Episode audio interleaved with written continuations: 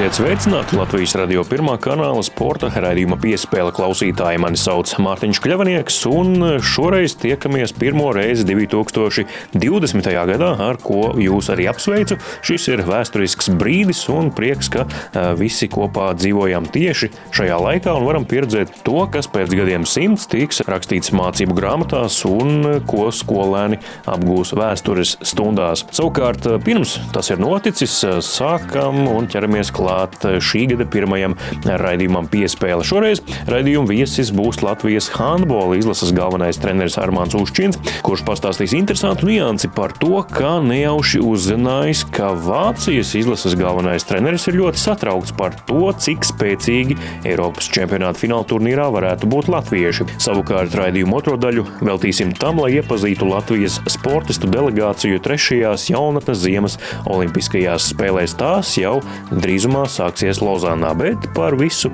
pēc pavisam īsa brīža.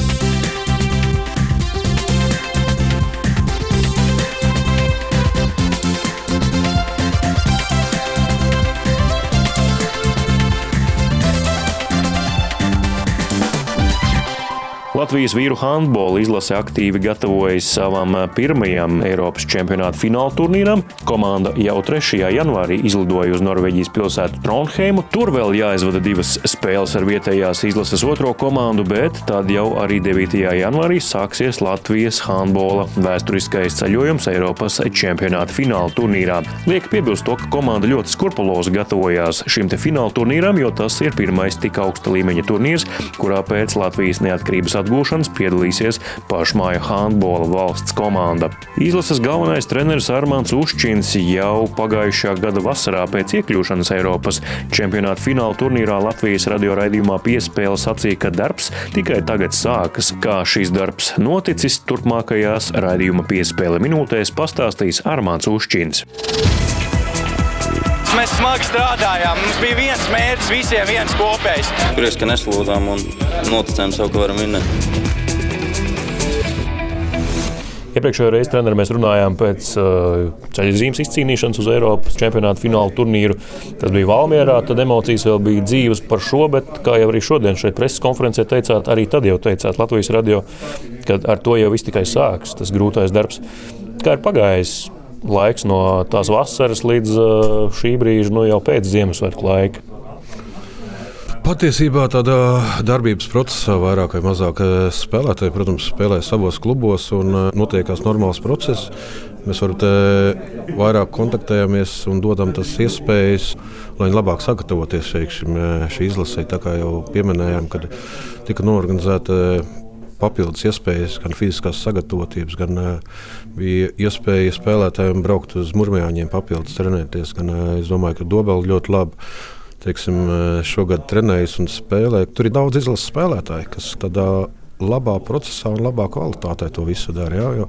Arī izlases treneris ir uh, trenējis Dobelu, un tad uh, mēs daudz kontaktējamies. Un, ar tiem spēlētājiem tik daudz jau strādāts, teiksim, pakārtojot arī izlases kaut kādas intereses. Lielajām komandām, Vācija, Spānija, visas pārējās, arī droši vien tāpat Nīderlanda, kas ir grupā, nu, viņiem ir daudz uh, citādāka situācija. Jums tomēr jārēķinās ar to, kurš varbūt pat uh, tiks atbrīvots no pamatdarba atvaļinājumam, un kurš nē.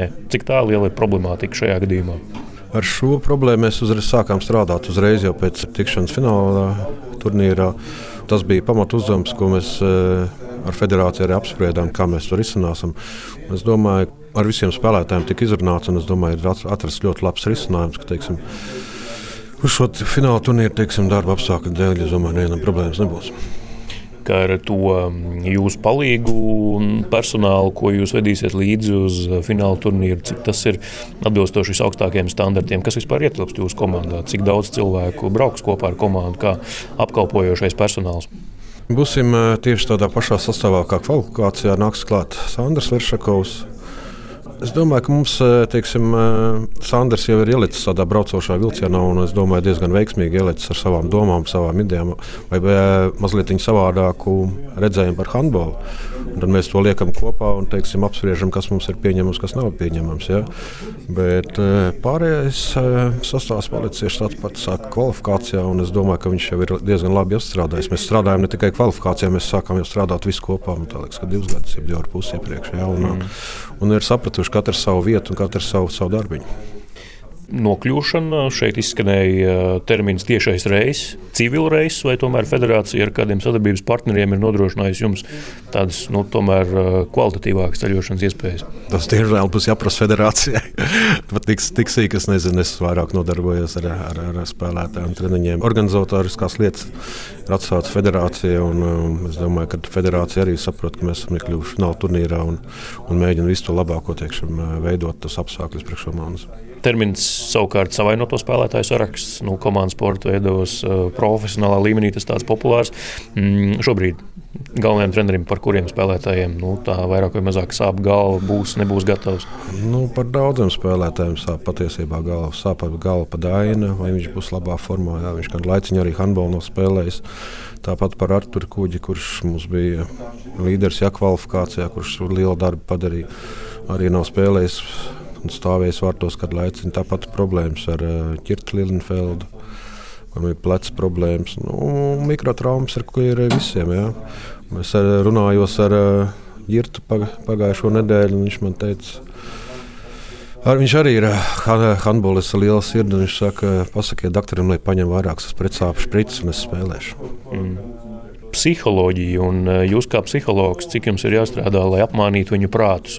Nu, šo viņi droši vien šobrīd neklausīsies, kad tas skanēs ētrā, tāpēc jūs varat atklāt arī nedaudz tos knifus. Eh, nu, visi zina, kas ir pretī, bet ar kādiem paņēmieniem var tomēr apmānīt to spēlētāju prātu, lai tajā brīdī, kad ir jādodas laukumā pret Vāciju, piemēram, nu, viņi strādātu ar pilnu atdevi un uh, nedomātu par tiem uzvārdiem, kas ir pretiniekiem uz, uz mugurām, uz formas krekliem. Es patiesībā domāju, ka man daudz kā psiholoģiski nav viņas eh, jāapmāna, jo mēs kvalifikācijā pierādījām, ka mēs ar Slovēņiem, ja, kur ir Eiropas trešā komanda, mēs mājās vinnējām un ļoti cienīgi arī nospēlējām tur. Ja. Kad tiem spēlētājiem ir tāda pašapziņa radusies vairāk, jau augusts, kad mēs, mēs varam spēlēt ar, arī ar augstas klases komandām. Protams, arī jāpastāsta varbūt tās pareizāk taktika un, un, un, un tiem spēlētājiem taktikai ir jānotic. Tā, tas ir varbūt tās kaut kas cits. Ja, ja šo mums iznāks salikt kopā un, un, un spēlētāji būs simtprocentīgi gatavi atdoties, ja, ko es teicu, ar ko mēs varbūt varam pārsteigt ar mūsu, mūsu lielo mīlestību pret sirdi un, un, un, un cīņas spār, ja, tad es domāju, ka būs arī grūti tiem līderiem pret mums spēlēt.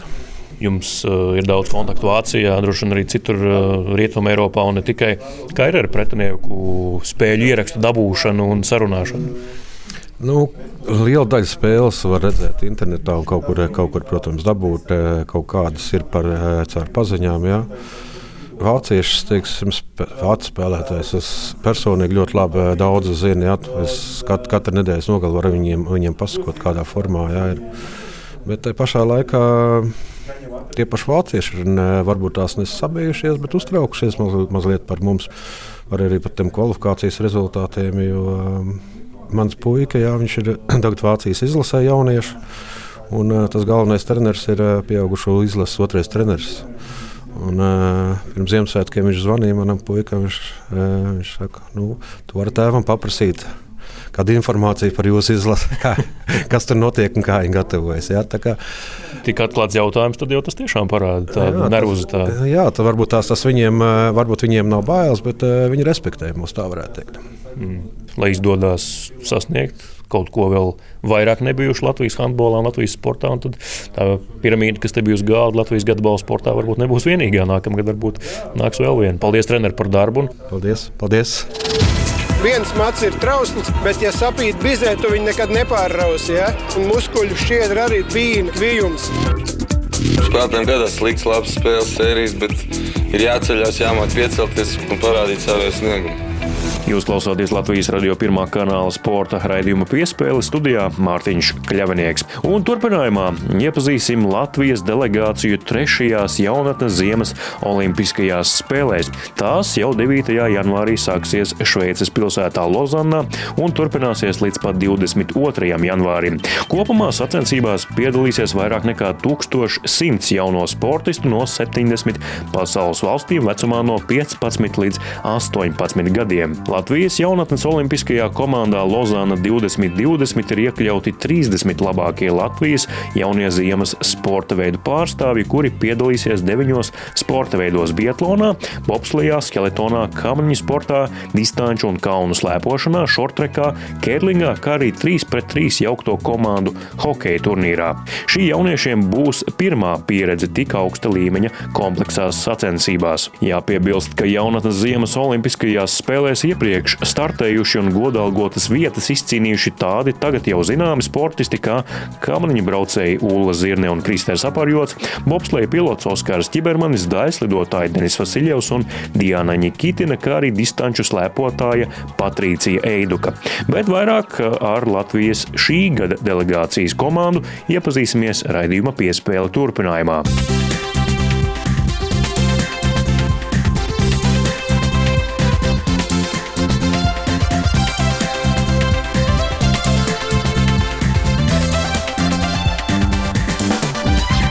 Kristofers Gulbis eh, sarunāja Latvijas radio sporta raidījumu piespēlē. Nu, ko sveicam? Tas kā rokas būs jānes eh, stāvot un jātur cieši. Jā. Kā tu pats jūties pēc eh, šāda ceremoniāla paziņojuma? Tagad saviņots, varbūt kaut ko nojaut jau iepriekš. Saviņots, jā, ne, nenojauts. Es pat nezināju, vēl, kur es dzīvošu iepriekš, vai Luzanē, vai arī Santmorcā. Tāpēc bija saviņots. Jā. Tu pārstāv kalnu slēpošanu, pastāstīji, varbūt iepazīstini klausītājus, cik ilgi jau tu ar to nodarbojies un kā tas viss aizsākās. Nodarbojos ar to jau kopš četru gadu vecuma. Tas viss aizsākās ar maniem vecākiem, kur pamudināja mani ar to nodarboties. Un, veda mani uz treniņiem, un tā man radās prieks un bauda un uh, laime darot šo sportu. Bet Latvijā jau kalnu nav. Ir tikai auguri, kur tu ikdienā trenējies. Kur ir tie auguri, kuros tu trenējies? Vai tu uz ārzemēm arī jau dodies? Es pašlaik uh, dzīvoju Norvēģijā, sporta skolā un dodos tur uz treniņiem. Kopš augusta jau šajā gadā sāku desmitā klasē. Tas ir ar domu virzīties profesionāli tieši kalnu slēpošanā. Jā. Tas noteikti droši vien prasa arī finansiālos ieguldījumus no ģimenes. Cik liels tas bija nu, tā, grūts lēmums ģimenei doties vai nedoties, vai ģimene tev pilnībā atbalsta un teica, ja rodas iespēja braukt. Ģimene pilnībā man atbalstīja, un tas nebija tik finansiāli grūts lēmums, jo tomēr tas sanāk izdevīgāk nekā dzīvot Latvijā un doties uz ārzemēm, uz nometnēm no Latvijas. Tur arī var salīdzināt, kādi treniņa apstākļi un arī metodas bija Latvijā un kādas ir Norvēģijā, kā tās atšķiras. Jā, manuprāt, man labāk patīk Norvēģijā treniņu metodas un pašu treneri. Vienkārši, kad jau tu dodies uz to profesionālo sportu un cīnīties vairāk jau šajā vecumā, tad arī tie treneri paliek savādāki. Skola, norvēģu valoda, kā tev ar to sokas? Skolu pašlaik uh, mācos uh, gan tālmācībā, gan arī sāku norvēģu skolā pamazām un arī mācos norvēģu valodu.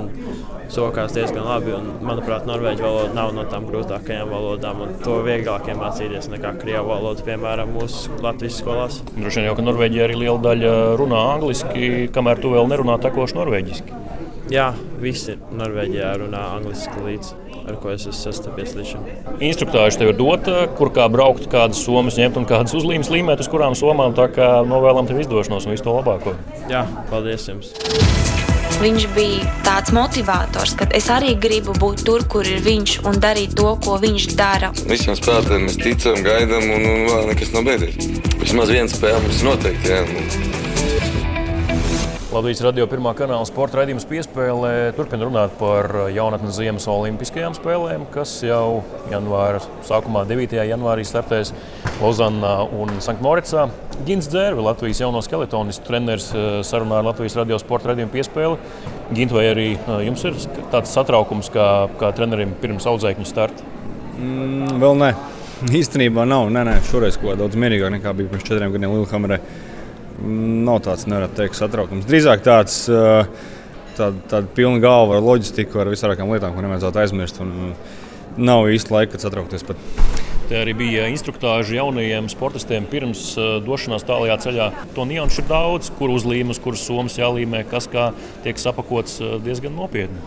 Nu, tāds labs treniņš jaunajiem pirms, pirms lielās olimpiādas. Jā, nopietni. Es godīgi pateikšu, um, arī četrus gadus atpakaļ Norvēģijā, kad bija olimpiāda, mm, tas bija kā, varbūt sākumā pārsteigums, bet uh, tie, kas varbūt uh, nezina, tā jaunatnes olimpiāda, viņi jau ir tieši tāda pati kā lielā. Tikai viņi visi ir, kā jau pasaka, pusauģi, jau nepilngadīgi. Un tā olimpiāda ir tieši tāda pati, tieši tāda pati drošība, tieši tāda pati organizācija, vispārējais tas, ka viņi vienkārši nerāda visās pasaules televīzijās. Tas arī viss.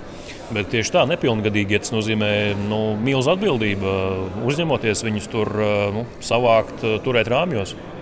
Atbildība ir liela, un tas būtu kaut kas neprasa. Tā būtu pirmā diena. Bet Nu, mēs jau viņiem jau kuru varbūt gadu, ar kuru jau pat sešus gadus kopā strādājam. Līdz ar to tas jau ir pierasta ikdiena un tā auga vecāka būšana. Tā, nu, tas nav, nav nekas jauns. Un, nu, mums tādā ziņā ir ļoti labas ar viņiem attiecības sakārtotas, ka viņi, viņi zina savas atbildības, es zinu savējās. Pirms pusotra gada es biju ciemos pie tevis tavā lauka īpašumā, kur tu biji uzbūvējis vasaras estikādi un tur Elvis trenējās.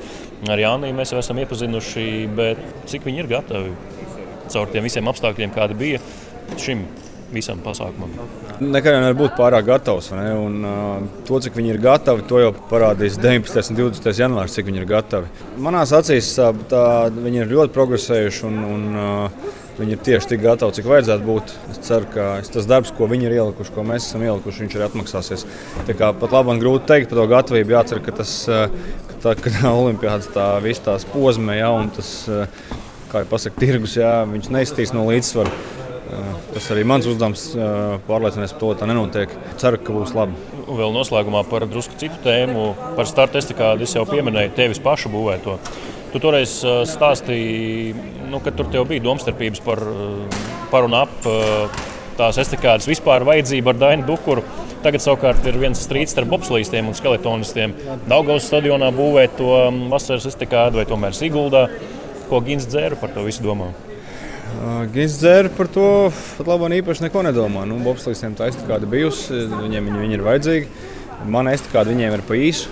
Viņi tur nevar izvērsties. Nu, estikāda ir vajadzīga. Tas uh, jautājums, kur viņi ir vajadzīgi, protams, tas ir nedaudz savādāk. Ja? Kurš viņi redz efektīvāk? Ja? Nu, man viņi, protams, ir svarīgi tuvāk, varbūt Siguldai, bet nu, arī Rīga nav tālu. Tā Tas, principā, mans domas tur nav tik, būt, nav, nav tik būtisks šajā jautājumā. Mums ir, mums ir sava vasaras estikāda, kuras pats arī uzbūvēju. Man tas nav pat labi un dienas kārtības numur viens jautājums. Bet vai Dainis toreiz bija pret šādas estikādas vispār vajadzību, vai jums bija domstarpības par kādām citām niansēm? Nē, drīzāk, drīzāk tas bija nē, nē, nē, pret vajadzību. Nu, protams, ka nē. Tas bija vairāk par to, ka, cik viņi ir nepieciešami tajā brīdī, un vai viņi varbūt ir nepieciešami uzreiz un tagad. Bet es esmu tāds cilvēks, kam vajag uzreiz un tagad, un es arī realizēju uzreiz un tagad. Un, es tajā brīdī redzēju, ka tiem jauniem sportistiem ir nepieciešami, un es arī realizēju to pasākumu, to projektu. Nu, negribās īstenībā saukt par projektu, ja nu, tur nekāds projekts tas nebija īsti. Būt ļauj nav. nu, vispār man sāk likties, ka man drīz būs nepatikšanas, jo, jo pārāk skaļi tā es kādā izskanēju. Tā kā jā, nu, tajā brīdī bija vajadzība un es rīkojos. Visu. Jā, bet tas varbūt ir liels ieguldījums labam rezultātam jaunatnes Ziemas Olimpiskajās spēlēs. Tā kā paldies, Gint, par šo darbu, lai veicās. Paldies jums, vislabāk!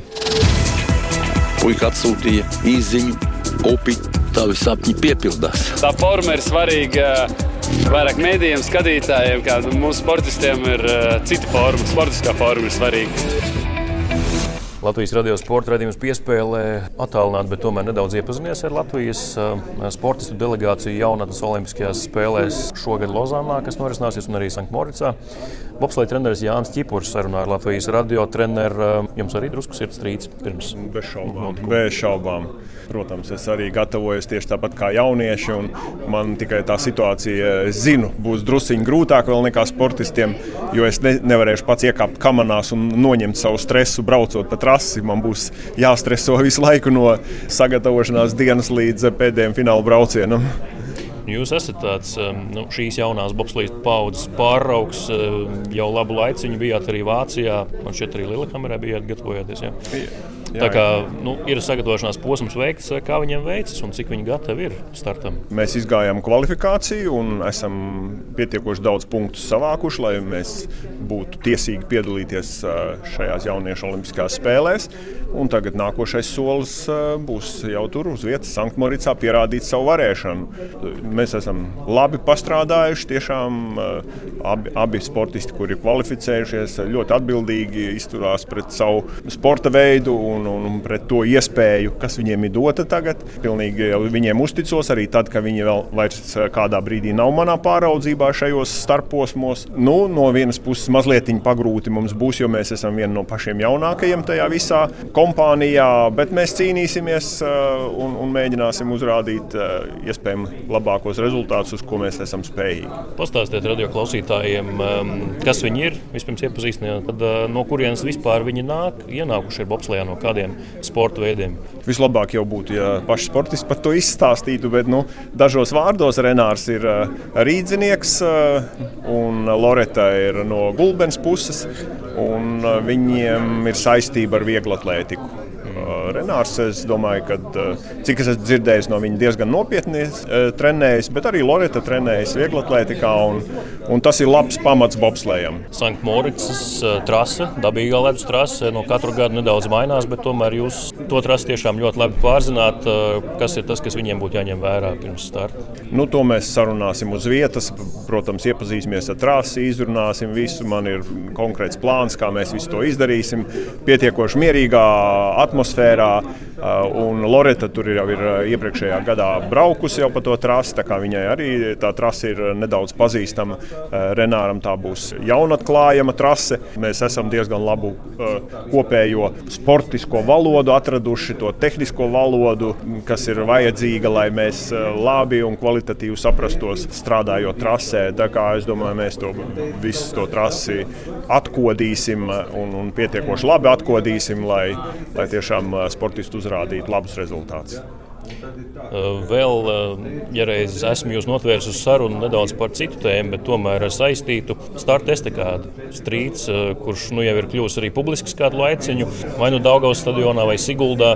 Jūs varēsiet paudzt savu pozīciju, vai jūsu domās kaut kas ir mainījies, kur tai būtu jābūt, vai arī situācija varbūt, ko jūs pārzināt, ir mainījusies pašā iekšienē? Palielam nekas nav mainījies. Es, es esmu tā viedokļa piekritējis, ka viss, kas var palīdzēt sportam, tas, un ja ir iespējams to uzbūvēt vai sagādāt, tas viss ir jāizdara. Jo augsta līmeņa sports, profesionālais sports ir tas, kuram ir vajadzīga visa veida ne, nepieciešamā palīdzība, visāda. Ne tikai fiziskā sagatavotība vai tehniskā sagatavotība trasē, bet gan iespēja trenēties pēc iespējas biežāk, pēc iespējas daudzpusīgāk. Un šajā situācijā runājot par estekādēm, gan ledus estekāda Siguldā, gan sausā estekāda Daugavas stadionā, tas būtu viena otru papildinošas un absolūti nepieciešamas Latvijas bobslējiem. Bet cik no svara ir geogrāfija, kur atrodas šī starta estekāda? Tas jau ir domāju, mazāk svarīgs jautājums, otršķirīgs, jo pielāgoties var vienmēr. Un, un lielā mērā, cik es zinu, treniņi notiek gan Siguldā, gan Rīgā. Un, un ja tā startēs kāda vasarā, tieši vasaras fiziskās sagatavotības treniņi, es domāju, vairāk ir tieši Rīgā notiek. Un, un, un, tā, un tā sausā estekāda tieši tajā brīdī ir visvairāk vajadzīga tas būtu laba kombinācija. Tā sausā estekāde Rīgā un, un pirms sezonas estekāde jau ar mākslīgo ledus segumu Siguldā. Tas vienkārši būtu ideāla kombinācija. Un nu, skatīsimies, vai ideālā kombinācija arī realizēsies dzīvē, bet uh, Jānis Čipuram. Uz, uz to ir jātiec. Bet Jānis Čipuram mēs vēlamies veiksmi un izdošanos viņa audzēkņiem Lozanā un Sanktmoricā notiekošajās trešajās jaunatnes ziemas olimpiskajās spēlēs. Paldies! paldies. Viens mats ir trausls, bet, ja sapīt bizē, tu viņu nekad nepārrausi. Ja? Un muskuļu šķiedra arī bija kvijums. Protams, vēlākais prieks, ka mēs palikām elitē, cīnījāmies. Un labi nospēlējām. Latvijas radio pirmā kanāla sporta raidījums piespēlē turpina iepazīt uh, Latvijas uh, delegāciju trešajās jaunatnes ziemas olimpiskajās spēlēs Šveicē.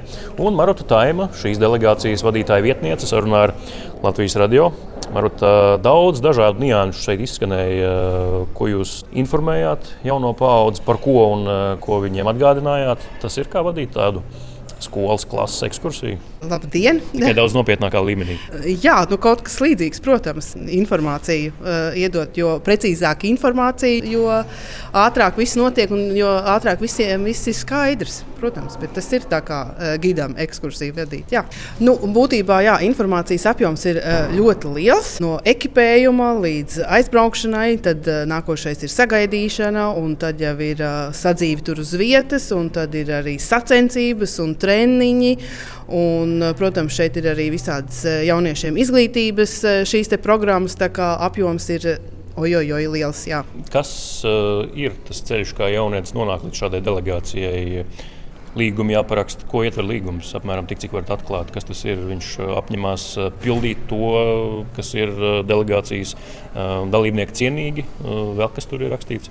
Šis līgums ir tāds tā kā uz papīra uzrakstīts jaunietim un trenerim atbildība un pienākumi, kad es jau teicu, ka viņi no šodienas kļūst par Latvijas jaunatnes olimpisko komandu. Tā kā mēs ļoti daudz fotografējam, ir šie sociālie tīkli, kurā vietā, ko mēs sakam un kādas bildes mēs sūtām tam šajā līgumā viss ir uzrakstīts ļoti īsi, rezumēti, kam jāpievērš uz, uzmanība.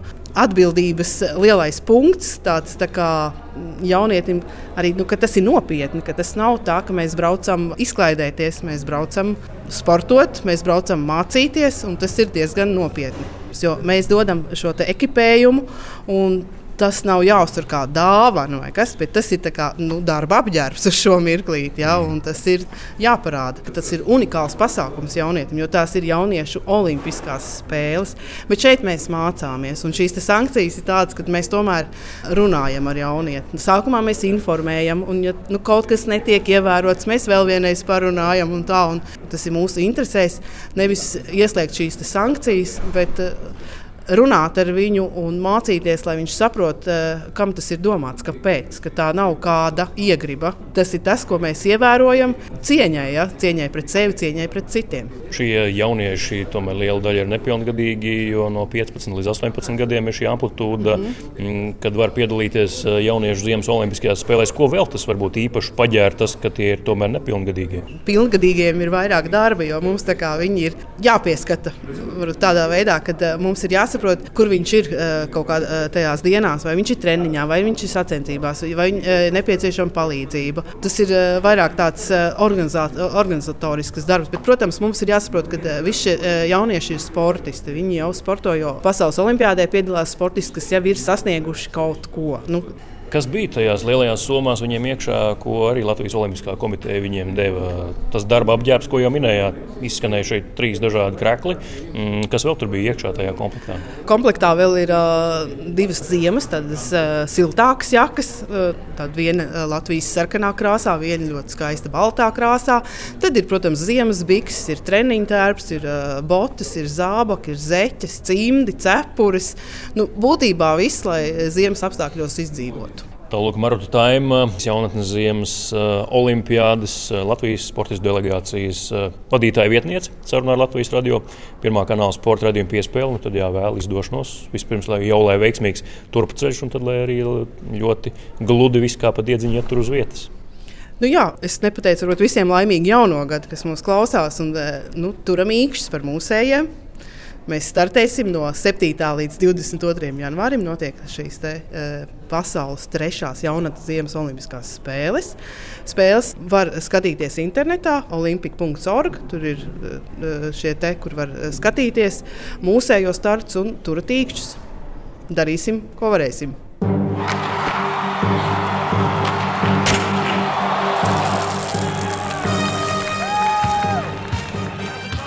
Līdz ar to 2020. gada pirmais sporta raidījums piespēle izskan. To vadīja un veidoja Mārtiņš Kļavnieks. Par labskaņu, tāpat kā visus iepriekšējos gadus, arī šogad rūpēsies, un arī šajā raidījumā parūpējās Nora Mītspapa uz sadzirdēšanos jau pēc nedēļas.